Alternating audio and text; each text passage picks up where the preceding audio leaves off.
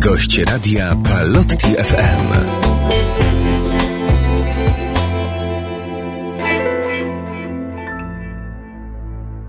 Pozdrawiamy wszystkich słuchaczy Radia Palotti FM. Przed mikrofonem ksiądz Łukasz Gołaś, gość Radia Palotti FM w piątek o godzinie 20. Ksiądz Krystian e, Samler z archidiecezji poznańskiej. Witam serdecznie. Szczęść Szczęść Boże. Boże. Pozdrawiamy Boże serdecznie. wszystkich. I witamy w naszym studiu warszawskim e, Radia Palotti FM. E, Naszym słuchaczom powiemy, kim ksiądz Krystian e, jest. Jest dyrektorem Wydziału Duszpasterskiego Kurii Metropolitalnej w Poznaniu, duszpasterz nadzwyczajnych szafarzy Komunii Świętej, asystent Rady Ruchów i Stowarzyszeń Katolickich Archidiecezji Poznańskiej, kapłan, Polak i optymista. Tak o nim można powiedzieć e, w krótkim skrócie takim, a w takim szerszym? Długo by wymieniać, może pozostańmy przy tym. Ja bardzo lubię o sobie mówić, że jestem duszpasterzem z krwi i kości i chciałbym nim być do dnia śmierci, a może nawet jeden dzień dłużej. Ważną rolę ksiądz pełni e, w archidiecezji poznańskiej, e, szczególnie w Wydziale mm, Duszpasterskim. Czym ten wydział się zajmuje? Tak jakby dla naszych słuchaczy opowiedzieć konkretnie. Trzeba by powiedzieć, że każdy wydział duszpasterski to jest prawa ręka biskupa diecezji. Dlaczego? Ponieważ duszpasterstwo zajmuje ogromną część zadań własnych biskupa. Biskup nie jest w stanie być wszędzie, jest tylko jeden, dlatego deleguje osoby, które mają mu w sprawowaniu pieczy nad duszpasterstwem szeroko rozumianym pomagać. Nasz poznański Wydział Duszpasterski to są e, duszpasterstwa także specjalistyczne, ale także duszpasterstwo ogólne. W skrócie czuwam nad tym, aby każda parafia, prócz tego, że możemy w niej zobaczyć proboszcza, wikariusza czy innych duszpasterzy, tętniła życiem, żeby świeccy mogli w każdej parafii diecezji odnaleźć swój dom, przestrzeń zaangażowania. Czyli to są różnego rodzaju grupy, ruchy, stowarzyszenia. Dalej to jest też programowanie duszpasterstwa w diecezji, oczywiście w odniesieniu do duszpasterstwa Kościoła w Polsce, ponieważ każdego roku z pierwszą niedzielą Adwentu Kościół w Polsce rozpoczyna nowy rok duszpasterski z programem, który przygotowuje Komisja Duszpasterska Konferencji Episkopatu Polski. I to jest akomodacja, czyli dostosowanie tych wytycznych do diecezji, do każdej parafii, ale Wydział Duszpasterski to także duszpasterstwa specjalne, specjalistyczne, czyli duszpasterstwo w szpitalach, duszpasterstwo w więzieniach, w aresztach, duszpasterstwo celników, piekarzy, duszpasterstwo szeroko rozumianych chorych, niepełnosprawnych, niewidomych, ociemniałych, głuchych itd. Dlaczego ten duszpasterz dzisiaj tak bardzo jest potrzebny w tych przestrzeniach, powiedzmy, życia publicznego? Yy, ta osoba kapłana, czy, czy nawet osoby świeckiej, bo, bo one też niejako pośredniczą w tym posługiwaniu. Tak, my to słowo duszpasterz odnosimy raczej do kapłanów i, i dobrze by było, gdybyśmy przy tym pozostali. Natomiast oczywiście nie ma duszpasterstwa bez świeckich. Mhm. I teraz, odpowiadając na pytanie księdza redaktora, któremu jeszcze raz dziękuję przy tej okazji za zaproszenie, że ze stolicy, kochani słuchacze, wejrzał na zachód Polski, na Poznań, to pozdrowienie jeszcze raz wam wszystkim przywożę z miejsca początków państwa No polskiego, z tego miejsca, gdzie zaczął się Kościół w Polsce, a jedna też z tych trzech teorii mówi wprost, że jest to przypuszczalne miejsce chrztu. A wracając do duszpasterstwa i duszpasterzy, kapłan jest w pewnych przestrzeniach niezastąpiony. Żaden świecki nie odprawi mszy świętej, nie będzie sprawował sakramentu pokuty, nie pójdzie do chorych z namaszczeniem i nie będzie głosił Bożego Słowa. I to jest duszpasterstwo ogólne. Nie wyobrażamy sobie księdza, który nie jest duszpasterzem. Bo jeśli to nie jest jego pasją sprawować sakramenty, głosić Słowo Boże, Ewangelię, dobrą nowinę, to on pasie swój brzuch. Mhm. Czyli lepiej, żeby tego nie robił, bo to w ostateczności przynosi zgorszenie. Natomiast odpowiedzialny duszpasterz wie, że wszystkiego sam nie zrobi.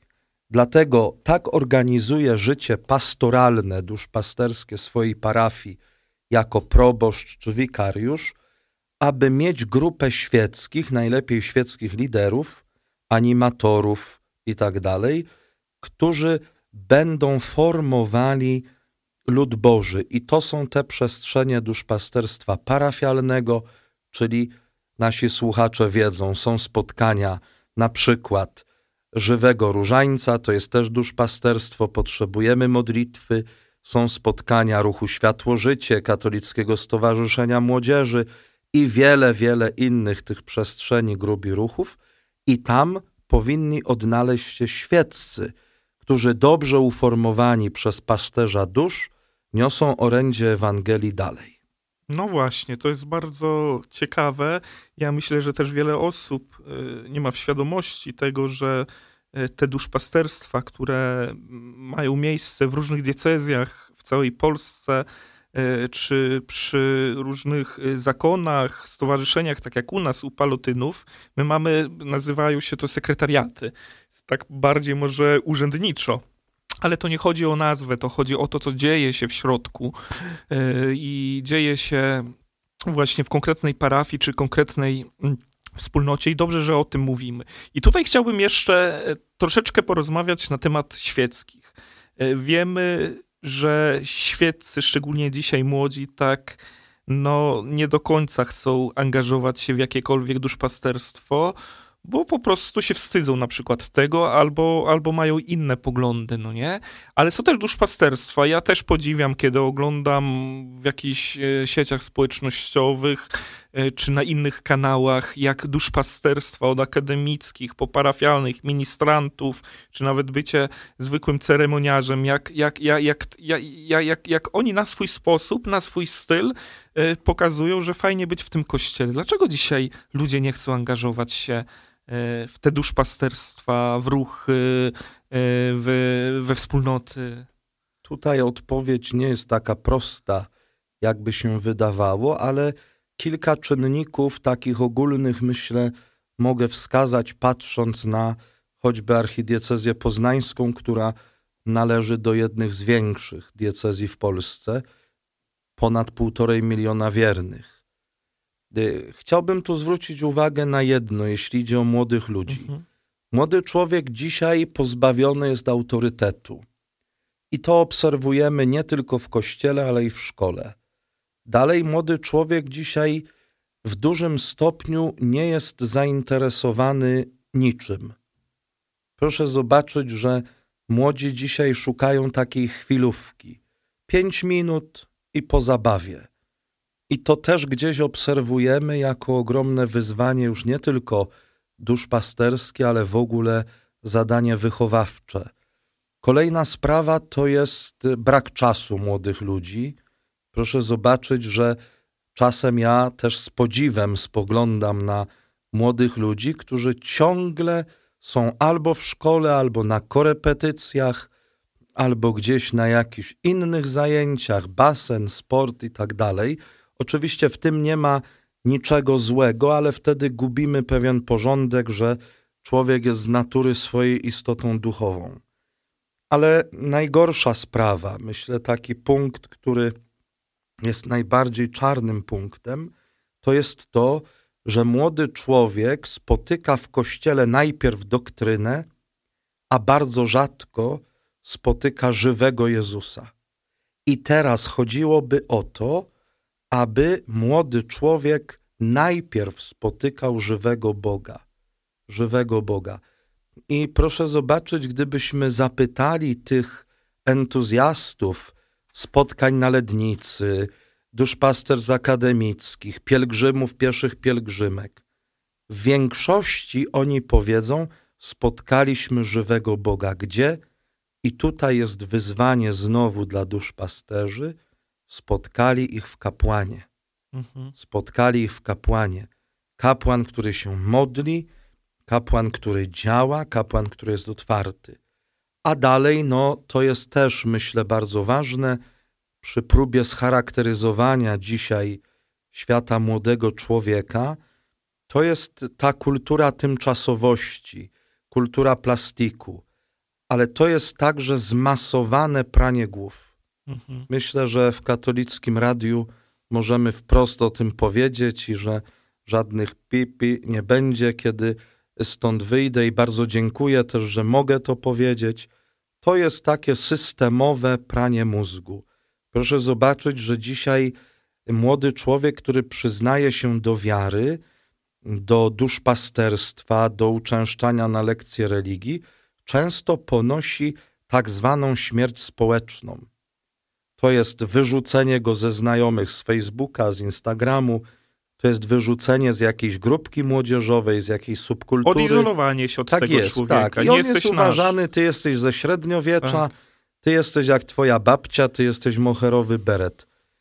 I dlatego siła polskiego kościoła na nowo może zabłysnąć i na nowo przyciągnąć młodych ludzi właśnie przez ruchy i stowarzyszenia, przez apostolstwo. I to przecież święty Wincenty Pallotti nieustannie podkreślał, to widział. I my tutaj, no, myślę, że korzystając też z dorobku y, tutaj księży palotynów, możemy wiele też zabrać z tych dzieł apostolskich. Duszpasterz to apostoł. Proszę zobaczyć, że Księga Dziejów Apostolskich pokazuje nam wprost i kładzie akcenty, co to znaczy być duszpasterzem, co to znaczy być apostołem Chrystusa po Jego zmartwychwstaniu.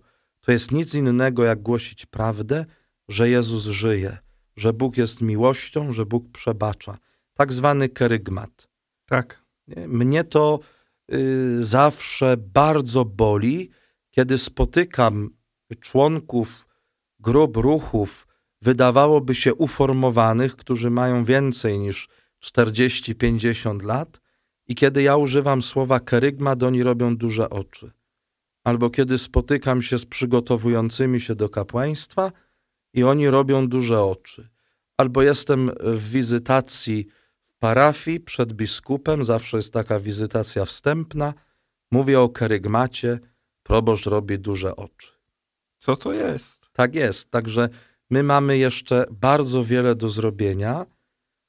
Ja bym tak szybko nie wieścił upadku polskiego kościoła czy upadku duszpasterstwa w Polsce, chociaż oczywiście te najnowsze dane ze spisu powszechnego, które nam mówią, że od ostatniego liczenia ubyło nam prawie 6 milionów ludzi wiary, katolików wprost, to musi stawiać pewne pytania, zwłaszcza kościołowi y, instytucjonalnemu, pasterzom tego kościoła, ale także każdemu wierzącemu. Nie? Co myśmy zrobili, żeby przyprowadzić nowych uczniów, żeby była ta wymiana pokoleń? Mówiłeś y, o sile polskiego kościoła, że mamy wiele do zrobienia, ale jeszcze pozostanę przy tych młodych ludziach i będę ten temat y, wiercił, ponieważ też wielu młodych ludzi słucha nas. Jak słyszy siła polskiego kościoła, to oni od razu wrzą po prostu i myślą o, o biskupach, którzy nie są tacy, jacy być powinni. Myślą o różnych sytuacjach, wydarzeniach, często takich brzydkich, o których słyszymy, czytamy i, i po prostu i oglądamy je, no nie? I, i, i właśnie to, y, to, to jak pokazać tą siłę Kościoła dzisiaj drugiemu człowiekowi i może jeszcze teraz szerzej, już nie powiem tylko młodemu, ale każdemu, bo dzisiaj każdemu, no sorry, ale Polska to jest teren misyjny dzisiaj. To jest teren misyjny taki sam jak w Afryce, w Burkina Faso, gdzie palotyni posługują i tak samo w Kolumbii czy w Wenezueli albo na innym kontynencie. To jest teren misyjny. Tu musi być reewangelizacja. Na nowo musimy... Yy, teraz właśnie przydałby się taki chrzest. Kolejny, powtórka, przypomnienie sobie, odnowienie przyrzeczeń chrzcielnych i od początku zacząć. No ale jak widzą takie rzeczy, słyszą takie rzeczy, to co im powiedzieć? Znaczy się, oczywiście masz rację, kiedy mówisz o tych problemach kościoła instytucjonalnego, czyli naszych problemach, bo Ja zacząłbym od tego i tak zaczynam rozmowę z młodym człowiekiem, że tu na ziemi nie jest niebo. I wtedy już są duże oczy. Mhm. Tu na ziemi nie jest niebo, tu będzie grzech. Mhm. Święcenia kapłańskie czy profesja zakonna nie zabiera człowiekowi grzesznej natury i nie usypia diabła na amen. Jest jak lew ryczący. Dalej, trzeba nam na nowo odkryć prawidłową definicję Kościoła i pokazać, że my wszyscy jesteśmy Kościołem. Zatem siła młodego Kościoła, drodzy młodzi słuchacze, siła Kościoła w Polsce to jest wasza siła. To są wasze serca, serca otwarte na Pana Jezusa. I to jest ta siła polskiego Kościoła. My nadal mamy młodych ludzi na pielgrzymkach, w duszpasterstwach i bardzo wam za to, kochani młodzi, dziękuję. Ale jednocześnie też mówię to słowo przepraszam za zgorszenie i grzechy, zwłaszcza ludzi Kościoła, kapłanów, biskupów i tak. Oczywiście to nie powinno mieć miejsca, jest wielką raną, którą zadajemy Chrystusowi. To nie jest też takie tanie usprawiedliwienie, czy tandeta usprawiedliwienia, ale chcę powiedzieć, grzech był, jest i będzie, dopóki Pan Bóg z tym światem nie skończy i nie zakróluje na nowo. Te sytuacje trudne, gorszące trzeba rozwiązywać. Potrzeba też sprawiedliwości ludzkiej i myślę, że widzimy, ile siły dzisiaj Kościół wkłada w to, aby te patologie leczyć. Oczywiście zawsze można zrobić więcej. I idąc dalej, młody człowiek ma swoje widzenie świata i ma do tego prawo. Inaczej ja patrzyłem prawie 40 lat temu na moje życie, inaczej patrzę dzisiaj, inaczej patrzę z perspektywy doświadczenia Bożego przebaczenia w konfesjonale, świadomości wiary. Ale jedno jest pewne: my musimy pokazać, że Kościół jest otwarty, bo tego szuka dzisiaj młody człowiek. Szuka Kościoła otwartego. I to wcale nie jest otwartość na patologię, na grzech, ale otwartość na człowieka, który przychodzi z różnym bagażem. I myślę, że przez wiele lat popełnialiśmy błąd w głoszeniu Ewangelii i prawdy o Kościele, że bardzo wielu młodych odeszło, myśląc, że oni w Kościele nie mają swojego miejsca, że został potępiony człowiek, czyli ten konkretny młody. Nie, tak nie jest. No i tu oczywiście, jeśli wszyscy jesteśmy Kościołem, to czy my się za Kościół modlimy, czy my ten Kościół budujemy, czy stajemy się za ten Kościół odpowiedzialni. I to nie są slogany.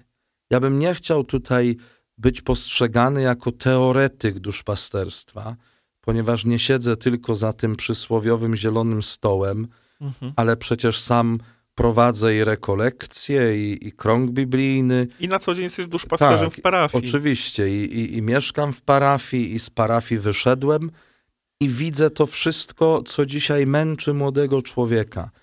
I wiem, jak bardzo młody człowiek potrzebuje dzisiaj wysłuchania, rozmowy, dobrej rady. On nie potrzebuje, myślę, że kochani młodzi, jeśli nas słuchacie, to się z tym zgodzicie, że wy nie potrzebujecie kolejnego pubu na plebanii, czyli pizzy, prawda, mm, w nieskończoność mnożonej, kanapy. tak jest, ale chcecie przestrzeni spotkania świadka Ewangelii, którym jest duszpasterz, a potem także spotkania wspólnoty młodych ludzi. I to się udawało, proszę zobaczyć, przez lata Ojcu Górze, który na Lednicy gromadził tłumy. Możemy dyskutować, czy trzeba, czy nie trzeba, ale widzimy, jak wielu ten ruch lednicki uformował. Czy ruch Światło Życie, proszę zobaczyć, że dzisiaj większość zaangażowanych w kościele, których mamy, oni przeszli w jakimś stopniu formację oazową, czyli Blachnicki prorokiem i ufajmy, że na ołtarze będzie szybko wyniesiony. Nie ma jednej recepty teraz na to, że miliony młodych będą w kościele, ale to jest racja, my potrzebujemy pracy u podstaw, takiej radości. Ja mam taki obraz z wakacji, kiedy uczestniczyłem w święceniach diakonatu mojego przyjaciela Romualda, który jest Togijczykiem. Tutaj formację seminaryjną odbywa w Polsce, w Opolu dokładnie, święcenia i ten radosny Kościół.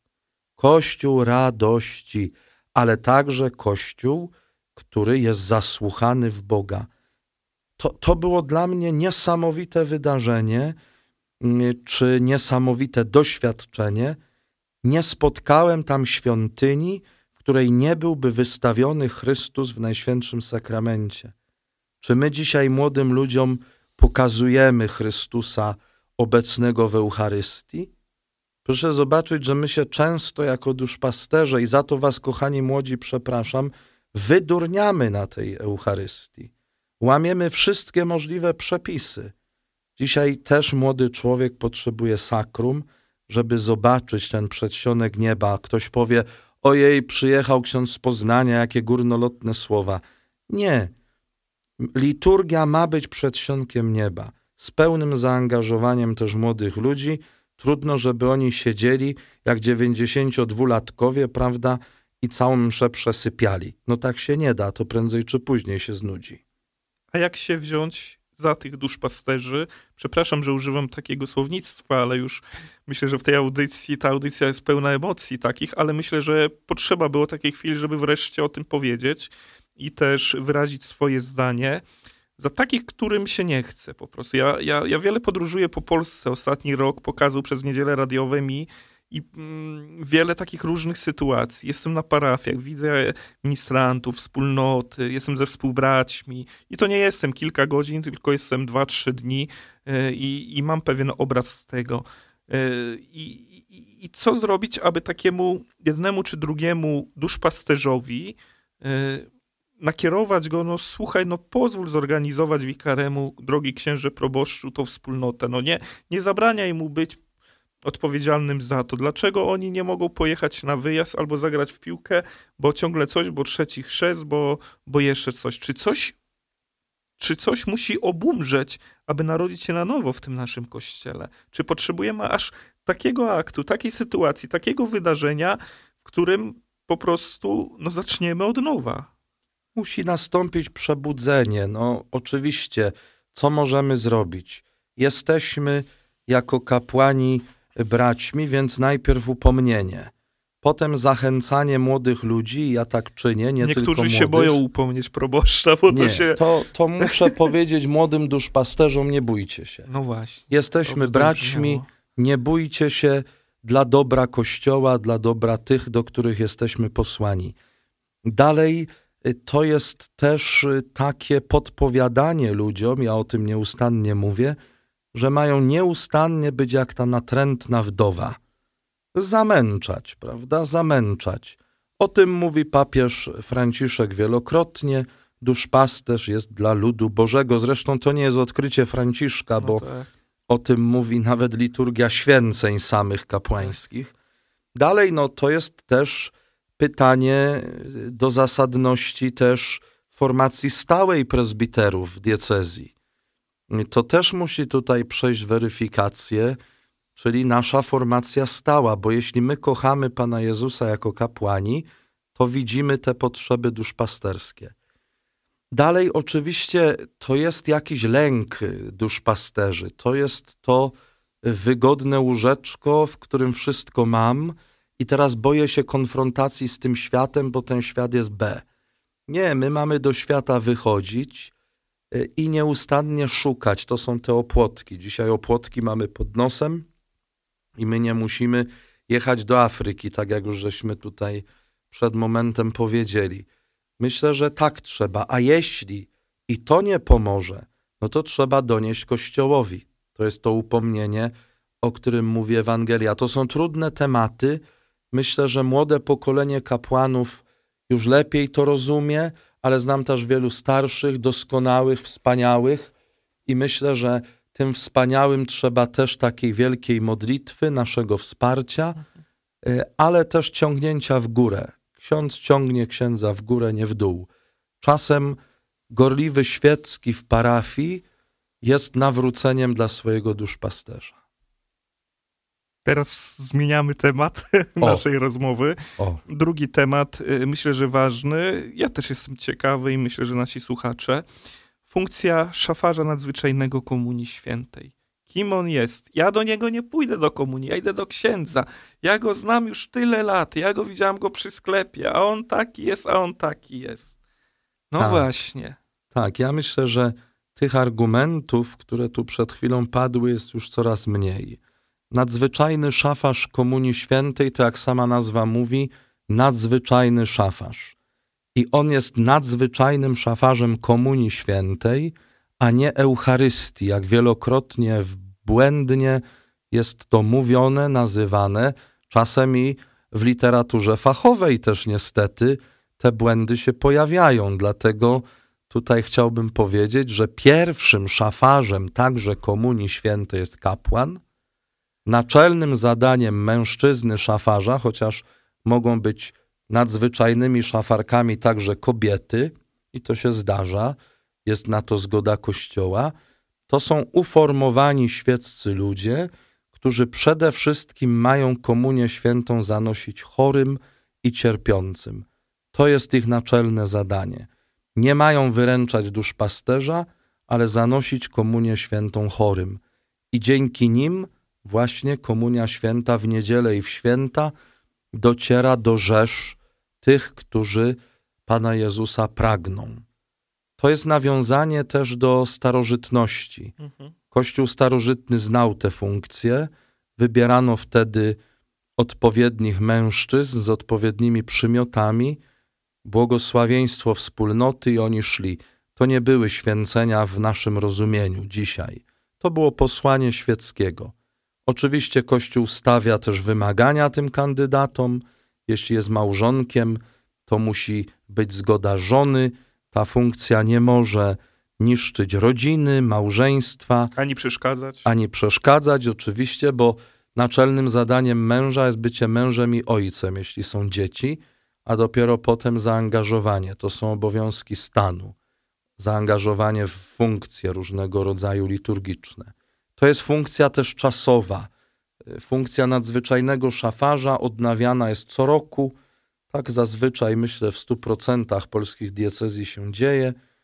Może też, kiedy no, proboszcz uznaje, że ktoś stał się niegodny, bo zaczął się źle prowadzić, nie może tej funkcji pełnić, zawsze może zabronić i to upoważnienie odebrać. To musi być człowiek, który ma odpowiednie przymioty, jest pobożny, jest moralny, no jest też szanowany we wspólnocie parafialnej. Mhm. Ile trwa formacja takiego nadzwyczajnego szafarza? Jak to przebiega? Formacja w każdej diecezji wygląda różnie. Mogę powiedzieć, jak to jest w Poznaniu. To przygotowanie ścisłe, teoretyczne trwa no, prawie 7 miesięcy. To są różnego rodzaju zjazdy, wykłady, ćwiczenia, ale potem formacja stała, zjazdy rejonowe, rekolekcje, różnego rodzaju dni skupienia, inne wydarzenia okolicznościowe. To jest słowo duszpasterza kierowane co miesiąc właściwie. To jest strona internetowa naszego duszpasterstwa, gdzie też różnego rodzaju podpowiedzi do modlitwy, różnych tekstów formacyjnych. Także ta przestrzeń jest spora formacji, a w Poznaniu także taką formacją ogarniamy żony nadzwyczajnych szafarzy, organizując, organizując dwa razy do roku rekolekcje małżeńskie.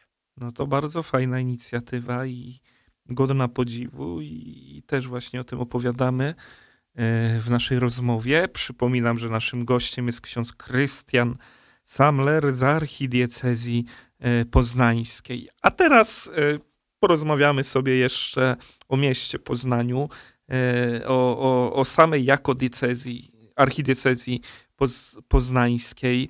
E, Kiedy się przyjedzie do Poznania, byłem no, z 10 razy może w życiu w Poznaniu, e, to naprawdę można zobaczyć ciekawe rzeczy, chodząc po Poznaniu, e, podziwiając to, co, e, to, co przez lata się ukształtowało, co takiego, jakie warto perełki w Poznaniu e, zobaczyć, na co zwrócić uwagę, a może jest coś, e, na co taki ci zwykli turyści, czy nawet ci, którzy odwiedzają to miasto, nie zwracają uwagi, a jednak to jest godne polecenia.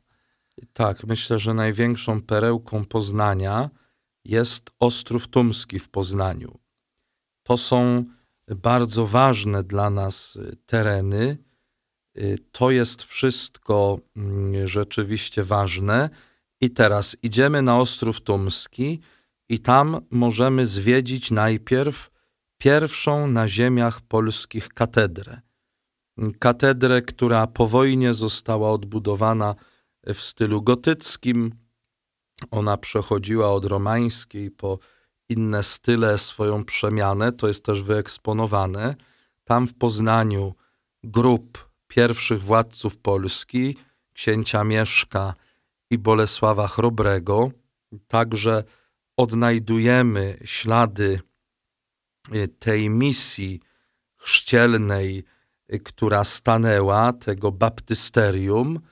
Y, dalej możemy zobaczyć też pięknie wyeksponowane, odkryte wykopaliska archeologiczne pierwszego pałacu władcy na ziemiach polskich, Mieszka I, i pierwsza kaplica na ziemiach polskich, przy której potem pobudowano gotycki kościół Najświętszej Maryi Panny.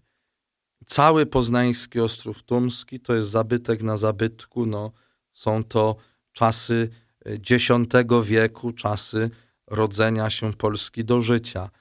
Ale w Poznaniu to także e, ogród zoologiczny, stary i nowy, prawda? To też jest starówka w wiecznym remoncie, prawda? Malta? Tak, rozkopana to jest sztuczne jezioro Malta, myślę znane fanom kajaków, Mistrzostwa Polski, Europy i, i wiele innych tych zawodów kajakarskich, pływackich. Tam się mm, w Poznaniu Kiedyś odbywa. pamiętam, byłem na takim torze saneczkowym, ale kiedy to było 100 lat temu? No to tam jest też blisko tego sztucznego jeziora, ale to raczej taka wielka atrakcja nie jest, bo Poznań w górach e, nie leży. Dalej no same okolice pod Poznaniem, to jest Wielkopolski Park Narodowy, e, to jest też e, piękne miejsce, jakim jest Kurnik, No znany przecież w Polsce nie tylko z Białej Damy, ale to arboretum, które tam jest y, przepięknie zaprowadzone, kwiaty, rośliny, to dla botaników, dla, dla znawców roślinności jest perełka, górnickie zakłady, także no, jest tych miejsc sporo. No właśnie, warto myślę, że odwiedzić Poznań i, i, i, i też zapoznać się z historią archidiecezji poznańskiej. Ja myślę, że to nie była ostatnia nasza rozmowa, tylko taka jedna z pierwszych, z pierwszych. Nie mówię, że jeszcze na pewno będzie wiele, wiele więcej tych e, audycji, ale tak, żeby też wprowadzić i też tak pokazywać w Radiu Palotti FM ludzi właśnie z różnych części Polski. Ludzi, którzy tak bardzo są zaangażowani w duszpasterstwo, którzy wiedzą, a przede wszystkim czują, e, czym jest duszpasterstwo, czym są ruchy, czym są stowarzyszenia, czym są szafarze. No i, no i w tych wszystkich przestrzeniach e, kościoła też taki pomysł mi przyszedł do głowy. Nie będę jeszcze mówił o tym, e, o tym na antenie, ale myślę, że przy kolejnych audycjach i rozmowach e, czy innych audycjach w naszym radiu Paloty FM podzielę się tym. No ale dziękuję mm, Tobie, że, że księże Krystianie, za to, że byłeś tutaj, że poświęciłeś swój ym, czas, no nieprzypadkowo Warszawy, bo dzisiaj też ważne spotkanie było Tak, tak. y, u, u księdza Popiełuszki, związane właśnie y, z byciem mm, dyrektorem Wydziału Duszpasterskiego, więc y, myślę, że będziemy o tym mówić. Y, A wam życzę, kochani słuchacze, tego, abyście byli wierni Słowu Ewangelii, przede wszystkim, abyście wszystko robili, co w swojej mocy, a kiedy potrzeba, to upominali, y, żebyście zostali w kościele, żeby, żeby ta wspólnota, w której przecież zostaliśmy ochrzczeni, rodzice przyprowadzili nas do pierwszej komunii świętej, później przyjęliśmy bierzmowanie, a później mogło być różnie. To wiecie, że ten kościół zawsze jest otwarty, abyśmy nie stali się jak Dames, o którym czytaliśmy wczoraj w pierwszym czytaniu, kiedy wspominaliśmy świętego Łukasza, który wybrał świat, nie? Oby ten świat nas nie ukochał. Obyśmy my ukochali Pana Boga i tego i wam życzę, a księdzu Krystianowi Samlerowi e, też życzę dużo sił i do zobaczenia przy kolejnej rozmowie. Dziękuję bardzo, dziękuję za zaproszenie i wszystkim za cierpliwość. Dobrego wieczoru naszym e, słuchaczom, e, dobrej nocy, a tym, którzy będą słuchać powtórki naszej audycji, to dobrego dnia. Szczęść Boże.